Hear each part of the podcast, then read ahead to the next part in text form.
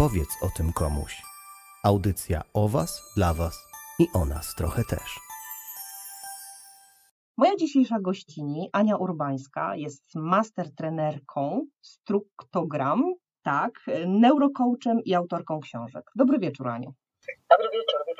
Ania, dzisiejsza nasza rozmowa ma taki dosyć przewrotny tytuł. Czy jesteśmy nosicielami, czy użytkownikami mózgu? Ty jako ekspertka w tej dziedzinie, słuchaj, idealnie po prostu tutaj mi z nieba spadłaś i chciałabym, żebyśmy ten temat troszkę dzisiaj zgłębiły. Świetnie, fantastycznie, jestem do dyspozycji. Aniu, no to jakie są proporcje w tym noszeniu albo użytkowaniu? To są proporcje polskie i amerykańskie. Jak zwykle. W amerykańskich mówią, że większość używa, mniej nosi, a w polskich proporcjach mówią, że większość nosi, mniej używa. I oczywiście to jest e, żarcik, tak, żeby ktoś tutaj mi za chwileczkę za słowo nie złapał, ponieważ tak naprawdę w tej materii, w tej kwestii są mity, jest prawda. E, mity mówią o tym, że większość ludzi nie ma pojęcia na temat tego, jak działa ich mózg i że go w związku z tym tylko noszą, czyli są nosicielami. No i coś w tym rzeczywiście jest, bo e, tej wiedzy za dużo nie ma wokół. Natomiast jest też mnóstwo ludzi, która używa swojego mózgu i oczywiście e, to, te wszystkie teorie mówiące o iluś tam procentach używania są nieprawdziwe albo wyssane gdzieś tam z mitologii, niekoniecznie greckiej, więc absolutnie używamy swojego mózgu cały czas od momentu, kiedy wyszliśmy na ten świat, aż do momentu, kiedy przejdziemy na drugą stronę tańczy. Także używamy, tak. Czyli Aniu, to co wyczytałam, że wykorzystujemy tak naprawdę 10% możliwości naszego mózgu, to jest mitem? Tych mitów jest całe mnóstwo. One się wzięły z początków psychologii, gdzieś tam z XX wieku. Jeden z psychologów, nie pamiętam teraz jego nazwiska, właśnie wysnuł taką teorię, że używamy tylko 10% naszego mózgu i potem ta teoria za nami szła przez no, dziesiątki lat tak naprawdę, a absolutnie nie jest to możliwe, bo gdybyśmy używali tylko 10% swojego mózgu, no to nie bylibyśmy w stanie e, funkcjonować, żyć, nie byłybyśmy w stanie teraz rozmawiać. E, mhm. Używamy cały zasób swojego mózgu, ale używamy go nieświadomie w wielu momentach. E, czyli tego, że w tym momencie oddychamy, tego, że w tym momencie, mm, kiedy ja mówię, macham swoją ręką, tłumacząc coś, gestykulując, tego, że jednocześnie widzimy, czujemy, to to wszystko jest robota naszego mózgu. Już starożytni mówili, że mózg jest najważniejszym organem naszego ciała i e, ta teoria tych 10% rzeczywiście jest taką teorią, która spowodowała, że wielu z nas rzeczywiście jej uwierzyło. Potem jeszcze powstał e, film ze Scarlett Johansson, e, który pokazywał, że jak wykorzystamy więcej niż 10% naszego mózgu, to on nam się rozsypie. Prawda, używamy swojego mózgu cały czas, używamy go w dużo większej ilości jakby sytuacji niż nam się wydaje. W zasadzie cały czas, non-stop, całą dobę. On jest czynny.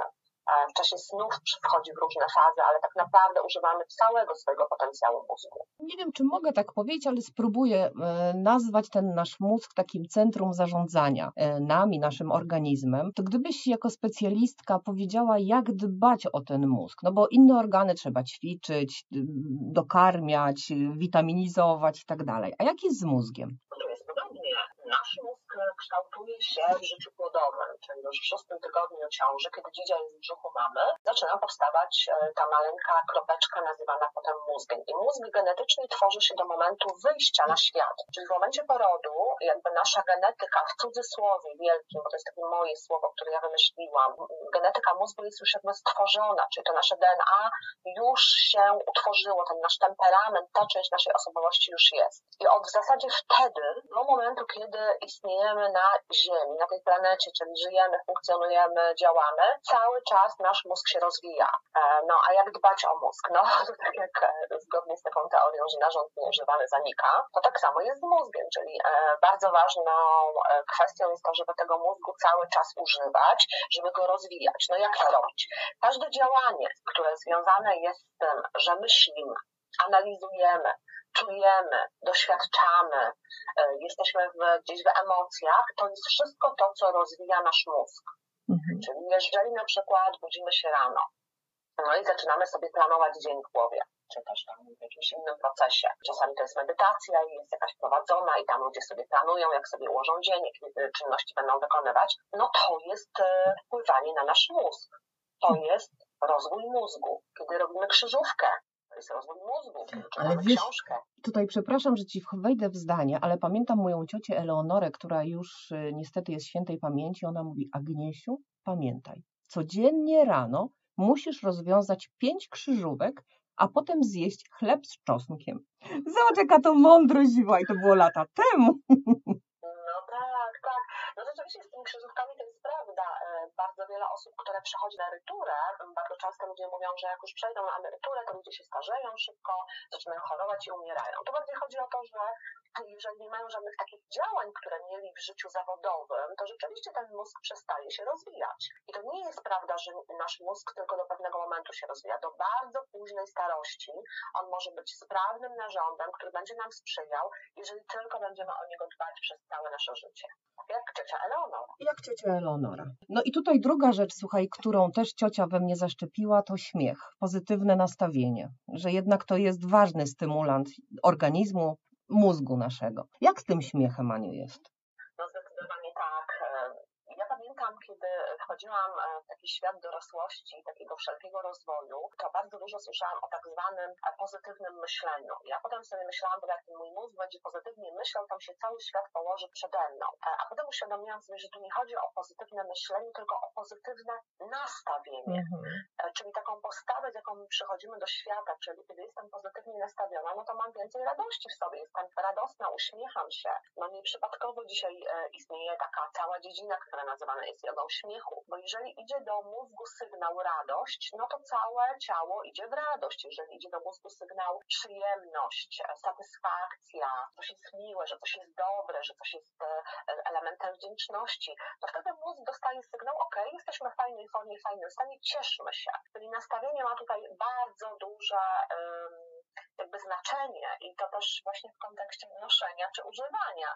No bo jak używamy tego mózgu, no to właśnie to nasze nastawienie jest częściej takie dobre, pozytywne, radosne. To nie oznacza oczywiście, że nie mamy wyzwań na co dzień w życiu, czy kłopotów, czy nawet problemów, nazywając to wprost. Natomiast rzeczywiście tutaj śmiech, radość, pozytywne podejście do sytuacji, do okoliczności, do świata daje naszemu mózgowi dużo lepszy, mocniejszy, silniejszy rozwój niż przeciwna strona, tak bym to określiła delikatnie.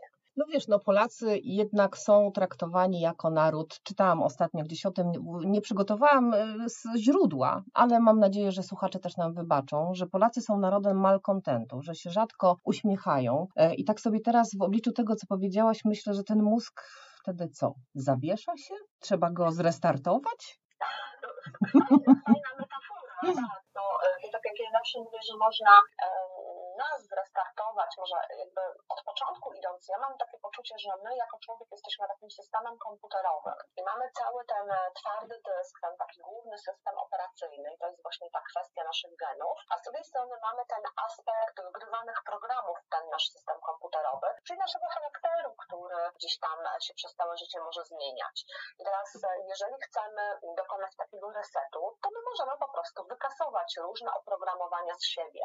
Tak ja mam bardzo wielu takich e, znajomych, klientów, którzy mieli wgrany jakiś system pod tytułem marudzę, narzekam, e, jest ciężko, jest źle e, i, i tak dalej, i tak dalej. I zresetowali ten system na poziomie zmiany przekonań, nawyków, patrzenia na świat. A co do naszej populacji, naszego społeczeństwa, no ja z pierwszego wykształcenia jestem magistrem historii, więc trochę tak tą naszą historię Polski miałam szansę obejrzeć, przejrzeć podczas studiów i potem podczas 12 lat pracy w tym obszarze. I rzeczywiście my jesteśmy jakoś tak skonstruowani jako naród, że my jesteśmy wiecznie w przeszłości, w takim mhm. rozliczaniu, analizowaniu tego, co jeszcze można było spitolić po drodze i jakby to wpłynęło na naszą historię.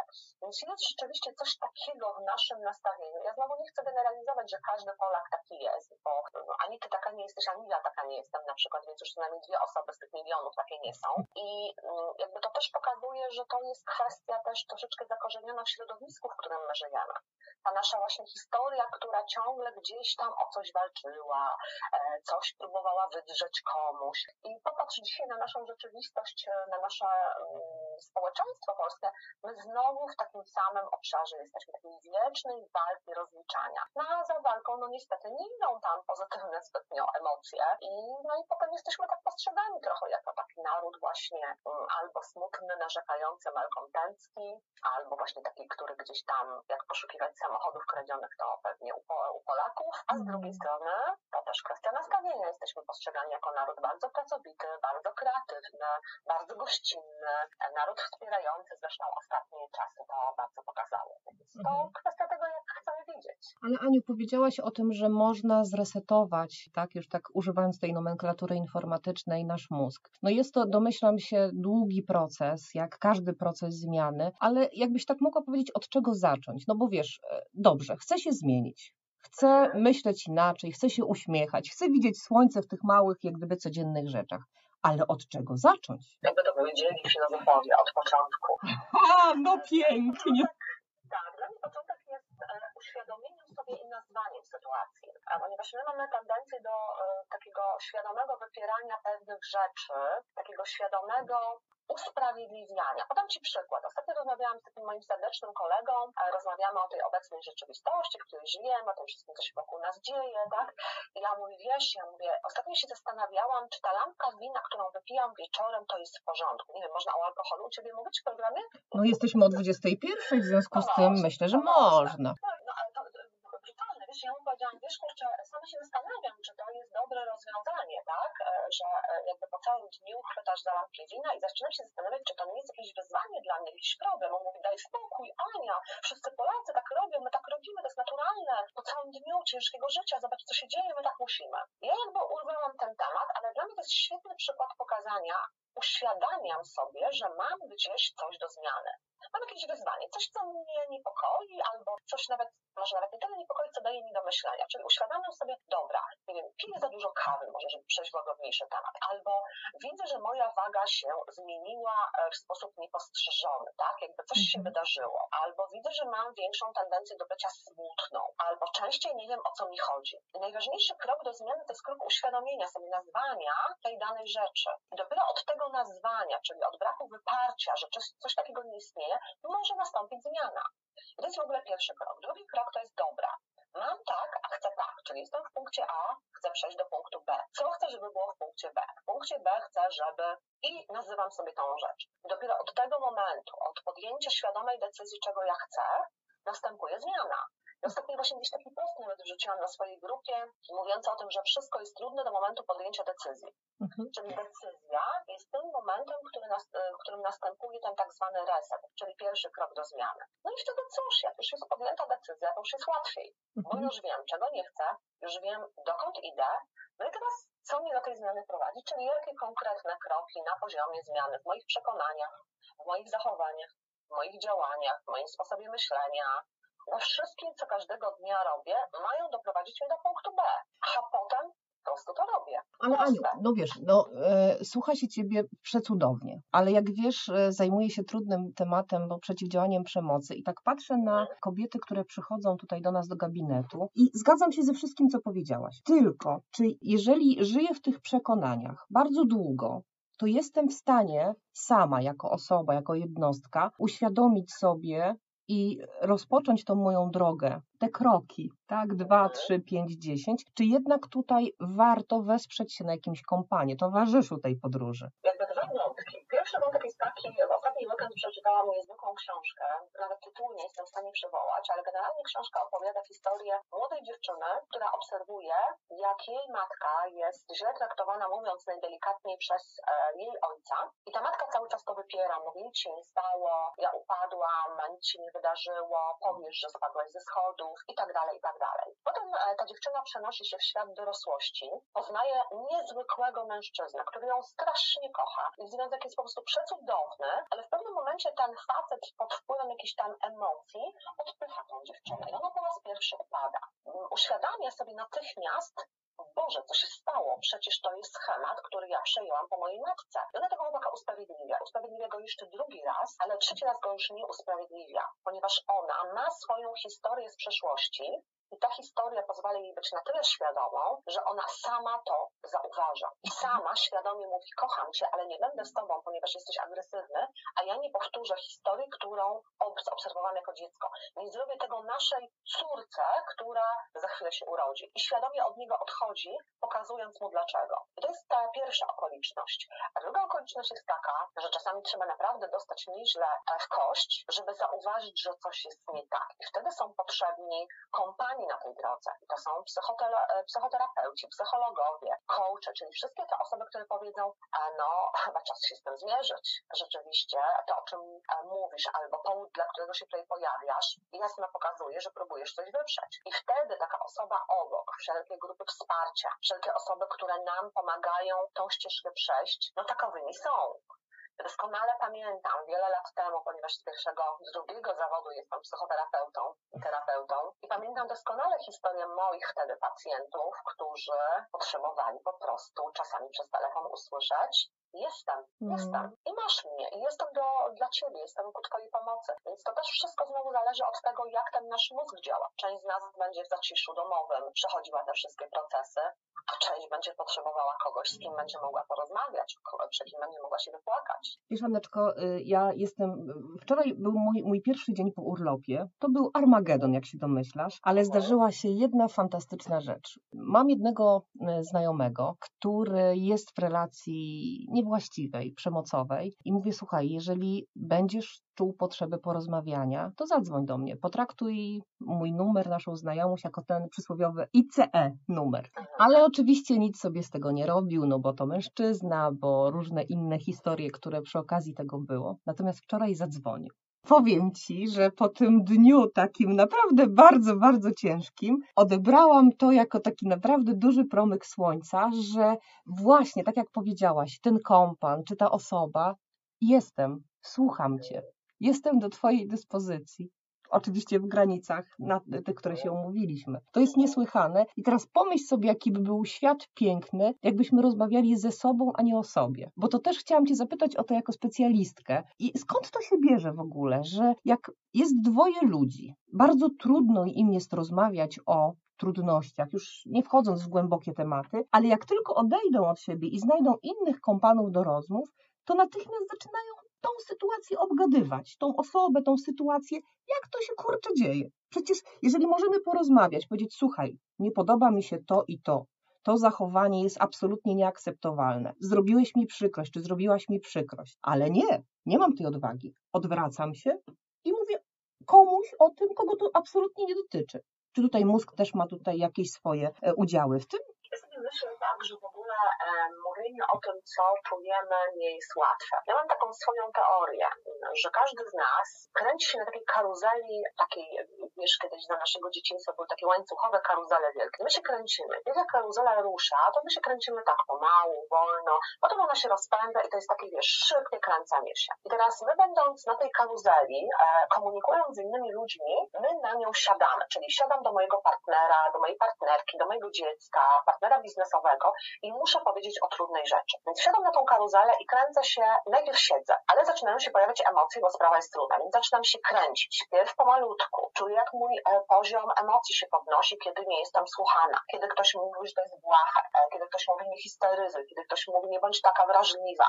I ta moja karuzela zaczyna się rozpędzać. Ale w związku z tym, że z drugiej strony też się pojawiają emocje, to ta druga karuzela też się zaczyna rozpędzać. I mam wtedy taki obraz dwóch takich pędzących karuzel e, i na pewnym etapie, kiedy my do siebie mówimy, to my się zbliżamy do tej karuzeli i jest takie klap, takie wiesz, klap, zatrzymaj, mm zatrzymaj, bo my po prostu dostajemy w tą karuzelą w twarz. No bo nie jesteśmy w stanie rozmawiać z drugą osobą na wysokim poziomie emocji, bo wtedy nie mamy tendencji do słuchania, nie mamy tendencji do akceptowania, do rozumienia, tylko mamy tendencję do oceniania bo idziemy z perspektywy tego, co czujemy. Im szybciej popyna, mówiąc kolokwialnie, ta karuzela, tym mniej jest tam otwartości na mhm. odbieranie informacji. Więc ja zawsze mówię, e, i to nawet dotyczy moich relacji codziennych w moim życiu, dopóki nie zatrzymamy naszych dwóch karuzel, nie rozmawiajmy. Nie rozmawiajmy, bo jesteśmy wtedy na etapie oceny tego, co czuję ja jako zraniona, jako nierozumiana, jako nadwrażliwa. Teraz dopiero kiedy ta karuzela się zatrzyma, dopiero wtedy jest szansa, kiedy z niej schodzisz ty, schodzę ja i siadamy i jesteśmy w stanie, i wtedy teraz taka metafora znowu, która mi do głowy, na tą taką bujaczkę, wiesz, taką kołyszącą się, gdzie z jednej strony jedna osoba siedzi, z drugiej druga i jedna jest u góry, druga jest na dole, to ta, która jest u góry e, mówi, a ta, która jest na dole słucha. I dopiero kiedy ta bujaczka się zamienia swoim położeniem my jesteśmy w stanie ze sobą rozmawiać. Dlaczego ludzie nie rozumieją tego? Dlatego, że kręcą się na swoich karuzelach, dlatego, że siedzą na tej bujaczce cały czas z pozycji nadawania, a nawet jak schodzą w dół, to zamiast słuchać, myślą, co powiedzą za chwilę. Hmm. Nas nikt, Agnieszko, moim zdaniem, nie nauczył rozmawiać. Ale wiesz co, Aneczko, ja też mam w głowie taką sytuację z jednym chłopcem w przedszkolu, gdzie prowadzimy przyjaciół Zipiego, e, gdzie rozmawialiśmy o mm, zdenerwowaniu, o takich skrajnych emocjach i była taka sytuacja, że chłopiec i dziewczynka zaczęli się kłócić. Ja mówię, słuchajcie, to jest bardzo dobry taki przypadek, który możemy rozłożyć na czynniki pierwsze, ale teraz jesteście w tak dużych emocjach, że zróbmy stop klatkę, nawet tak ręką powiedziałam, zróbmy stop i wrócimy do tego. Po czym chłopiec mówi tak, hmm, nie wiem, czy wytrzymam to czekanie, ale dobrze, zgoda, później powiem, że jest głupia. I wiesz, nie skomentowałam tego w żaden sposób, no ale oczywiście mówiłam, że później, że koleżanka nie jest głupia, tylko zachowanie jest niewłaściwe i tak dalej, i tak dalej. No oczywiście ta nasza cała strukturalna, strukturalny warsztat. I słuchaj, na koniec warsztatu e, Leon się podnosi i mówi, słuchaj Zosia, bardzo niefajnie się zachowałaś. Twoje zachowanie było absolutnie głupie. Ja mówię, Leon, Gratulacje, dostrzegłeś to. On mówi, no co? Ja mówię, właśnie, nie oceniamy Zosi, że jest taka czy owaka, bo Zosia jest cudowna, wspaniała, ale to zachowanie było w tym momencie niewłaściwe. I to o to chodzi? I tak będzie dobrze? Ja mówię, zacznijmy od tego. Tak, to prawda, ale widzisz, Aguś, e, miałaś szansę jakby dzieciakom to pokazać, powiedzieć. My nie słyszymy tego od naszych rodziców, bo oni tego nie wiedzą, bo Mm. nikt z nimi w taki sposób nie rozmawiał. Wiesz, dzieci ryby głosu nie mają, e, nie odzywa się, kiedy mówią dorośli, nie przeszkadzaj, Mhm. kiedy dorośli się odzywają. Nadajemy temu po prostu taki sens, że ja dorosły wiem lepiej, więc skąd dziecko ma wiedzieć, jak potem postępować? I my potem e, widzieliśmy w naszym domu te tak zwane karuzele, słyszeliśmy w naszym domu, jesteś głupi, jesteś nie wart, nie znasz się. I potem przenosimy to e, w nasze życie. Potem skąd się bierze brak komunikacji? E, Moim zdaniem stąd się potem bierze agresja słowna, która prowadzi do, do wszystkich innych form agresji.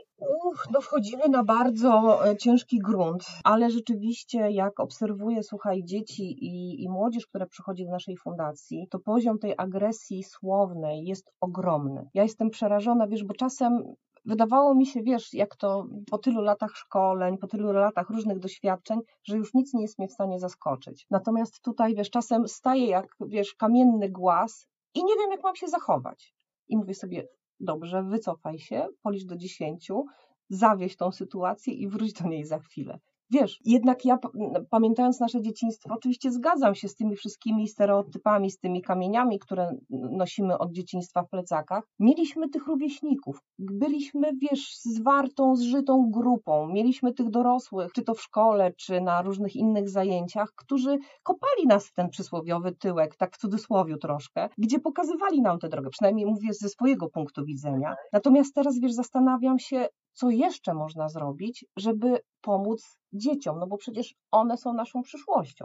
Co można zrobić? E, Myślę, że to bardzo dużo. Znowu taka historia przychodzi mi do głowy, gdzie idą dzieci, e, grupa dzieci idzie mm, ulicą szeroką w Toruniu i zaczynają używać niecenzuralnych słów.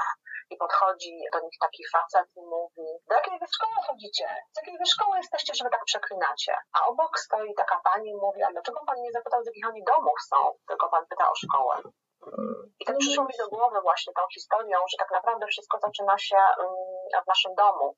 Co my tam obserwujemy, co my tam dostajemy, czego nie dostajemy. I to też nie wynika z jakichś złych intencji naszych rodziców, tylko po prostu, no jak masz dać komuś coś, czego sam nie masz. Więc no wszystko zaczyna się w tej komunikacji domowej, codziennej, takich normalnych, zwykłych, normalnych rzeczach. Wtedy, kiedy e, nasze dziecko do nas mówi, my mówimy nie teraz, bo teraz rozmawiam z ciocią Marysią trzecią godzinę przez telefon E, i jakby ignorujemy i potem no takie zachowania się przenoszą, no bo skąd mają wiedzieć, że jest inaczej, więc ja zawsze jestem zwolenniczką takiego zatrzymania, ta klatka stop, o której powiedziałaś jest cudowna, takiego zatrzymania i powiedzenia, okej, moje emocje są teraz na najwyższym poziomie, nie chcę w to iść dalej. My to mamy u nas w domu już przepraktykowane, bo e, doprowadzaliśmy do eskalacji, gdzie padały tak niecenzuralne słowa, których e, oboje się wstydzimy, czy, czy nawet wszyscy się wstydzimy, gdzie już tak wysokie emocje szły, że deklaracje, które się pojawiały, były no, co najmniej zaskakujące, Gdyby nie było emocji, nigdy w życiu by się takie nie pojawiły. Więc e, to jest kwestia też chyba takiej no, samonauki, którą może zdobyć dziecko poprzez właśnie warsztaty, poprzez pracę z nim, poprzez uświadamianie mu, że emocje to nic złego, tylko kiedy one się pojawiają, może lepiej w pewnym momencie powiedzieć, dobra, jestem już tak rozpędzona, że nie chcę teraz dalej tego robić, nie chcę dalej mówić, idę sobie, wrócę, kiedy się uspokoję. A więc wbrew pozorom, a wiesz, w tych związkach, gdzie jedno, nie wiem, wychodzi na przykład, trzaska drzwiami, gdzie chodzisz, pochodzisz po ogrodzie, albo e, robi jakieś tam inne rzeczy, no to wcale nie jest takie złe, gdzie dajemy ten upust tym najgorszym, negatywnym emocjom na zewnątrz, a nie sobie nawzajem. I tu chyba się wszystko zaczyna. No i tak, Aniu, ale chciałabym na koniec wrócić jeszcze do kondycji mózgu. Jak dbać o kondycję? No bo tężyznę, czy kondycję fizyczną, psychiczną, już wiele kampanii edukacyjnych było, wiele się o tym mówi. Natomiast jak dbać o kondycję mózgu? Mm? I w ogóle uświadomić sobie, że to jest coś, o co trzeba dbać. Czyli tak jak dbamy o to, żeby nasza odzież była czysta, żeby, nie wiem, nasza, nasza lodówka była pełna i żebyśmy mieli co zjeść. Tak samo każdego dnia dba się o kondycję mózgu. To są bardzo zwykłe, proste rzeczy. Chociażby to, że e, nie wiem, rano zanim wstanę z łóżka robię 10 świadomych, głębokich oddechów, wdechów i wydechów. Pierwszy krok dbania o kondycję mózgu. W ogóle oddychanie jest takim bardzo niedocenionym aspektem. Ja na silnych, mocnych szkoleniach biznesowych najwyższą kadrą zarządzającą każę im zamknąć oczy i zrobić 10 oddechów i jest taka konsternacja, że ludzie w ogóle są zdziwieni, mm. że w ogóle to jest jakiś sposób na e, dobrą kondycję mózgu. To jest właśnie pierwszy krok. A drugi krok, no to jest e, też karmienie tego mózgu spokojem, snem, wyspanie się. Wszystkie te teorie, które mówią, że wystarczy ci 5, 4, 5 godzin, no snu to w moim 50-letnim życiu się nie sprawdziły i dla mnie nie działają. Więc sen jest elementem dbania o dobrą kondycję mózgu. No ja bym mogła dziesiątki takich rzeczy wymieniać od picia dużej ilości wody, które wszystkie poradniki mówią, ale na pewno też samoświadomość, czyli świadomość siebie i rozumienie tego, jak mózg, mój mózg jest jakby skonstruowany, bo to, od czego zaczęłyśmy właśnie, struktogram pozwala zrozumieć, jak działa mózg, która część mózgu jest u mnie najsilniejsza, co to dla mnie znaczy, jak to się przekłada na moje życie, jak to się przekłada na moje relacje, na moje pojmowanie uczuć, emocji, racjonalizmu. I u mnie taki największy przełom dbałości o moje życie i o mój mózg nastąpił właśnie wtedy, kiedy uświadomiłam sobie. Był taki wielki moment, aha, czyli ja tak robię, bo ja tak mam. Mhm, teraz rozumiem. I to nie o to chodzi, żeby usprawiedliwić, bo ja tak mam, już mi tak zostanie, bo to moje geny, tylko powiedzieć, ok, ja tak mam, i dlatego chcę być uważniejsza w tym obszarze, w tym obszarze i w tym obszarze. Także tu gorąco zachęcam do tego, żeby właśnie poszukać, jak to jest moim mózgiem, który jest mój dominujący, dlaczego ja się tak zachowuję, skąd się we mnie biorą właśnie takie emocje, skąd u mnie być może agresja, podniesiony ton i dlaczego czasem komunikacja z niektórymi bywa wyzwaniem. Mm. Aniu, uśmiecham się teraz do telefonu, bo mamy, drodzy Państwo, rozmowę telefoniczną. To jest dobry dzień od samego rana, słuchaj. E, bardzo się cieszę, że porozmawiałyśmy. Bardzo się denerwowałam, słuchaj, bo przecież nic nie wiem o mózgu. I teraz zaczęłam się zastanawiać, jaki jest mój mózg. Czy Ty mogłabyś polecić jakąś literaturę, gdzie można by było zaczerpnąć informacji? Tak, oczywiście. Kiedyś bym w tym momencie była taka E, pewnie wycofana i powiedziała, no poszukajcie sobie Państwo w internecie książek i w ogóle. A dzisiaj powiem, że zachęcam do przeczytania dwóch książek, w których jestem autorką. Pierwsza książka to jest Mózg, fabryka sukcesu. Mhm. Najskuteczniejsze strategie ludzi biznesu, tam jest opisana ta wiedza. A druga książka, i to jest taka książka bardziej popularna, gdzie każdy może się zapoznać. A drugi tytuł to jest DNA biznesu i to jest książka biznesowa, która pokazuje tą wiedzę w obszarze biznesu. A i w związku z tym, że to w ogóle z młodzieżą pracuje z dzieciakami, to jest jeszcze książka Był sobie mózg. A taka mm. instrukcja obsługi mózgu dla małych i dużych w postaci komiksu, gdzie e, pisałam, a Dawid Wiącek wyrysował każdą z postaci i tam ten mózg jest po prostu wszech, wszech obecny. No już mam lekturę w takim razie. Bardzo Ci dziękuję za rekomendację. Oczywiście e, będziemy rekomendować dalej książki, bo myślę, że warto jak gdyby edukować się i dbać o to nasze centrum zarządzania. Aniu, bardzo serdecznie Ci dziękuję za dzisiejszą rozmowę. Jak zwykle było twórczo, niesamowicie, także mam nadzieję, że to nie ostatnia nasza rozmowa. Pierwsza, ale nie ostatnia. Dziękuję Ci za zaproszenie. Mam nadzieję, że odrobina wartości również dla wszystkich słuchających. Bardzo dziękuję. Drodzy Państwo, moim i Państwa gościem była niesamowita kobieta, dbająca o mózg i o mózgi swoich najbliższych, Anna Urbańska. Do zobaczenia. Subskrybujcie kanał Fundacji Art na YouTubie i bądźcie z nami w każdy czwartek. Zapraszam na rozmowy z fantastycznymi gośćmi, nietuzinkowymi osobowościami, ludźmi, którzy działają w bardzo różnych dziedzinach. Podcast Powiedz o tym komuś to projekt Fundacji Art, która od 2008 roku pomaga osobom w kryzysach doświadczającym przemocy. Udzielamy bezpłatnego wsparcia psychologów, pedagogów, terapeutów, prawników, coachów. Teraz Ty też możesz wesprzeć naszych podopiecznych. Wejdź na stronę www.fundacjaart.pl i zobacz, jak możesz to zrobić. Podcasty są współfinansowane przez Urząd Marszałkowski Województwa Mazowieckiego. Powiedz o tym komuś. Audycja o Was, dla Was i o nas trochę też.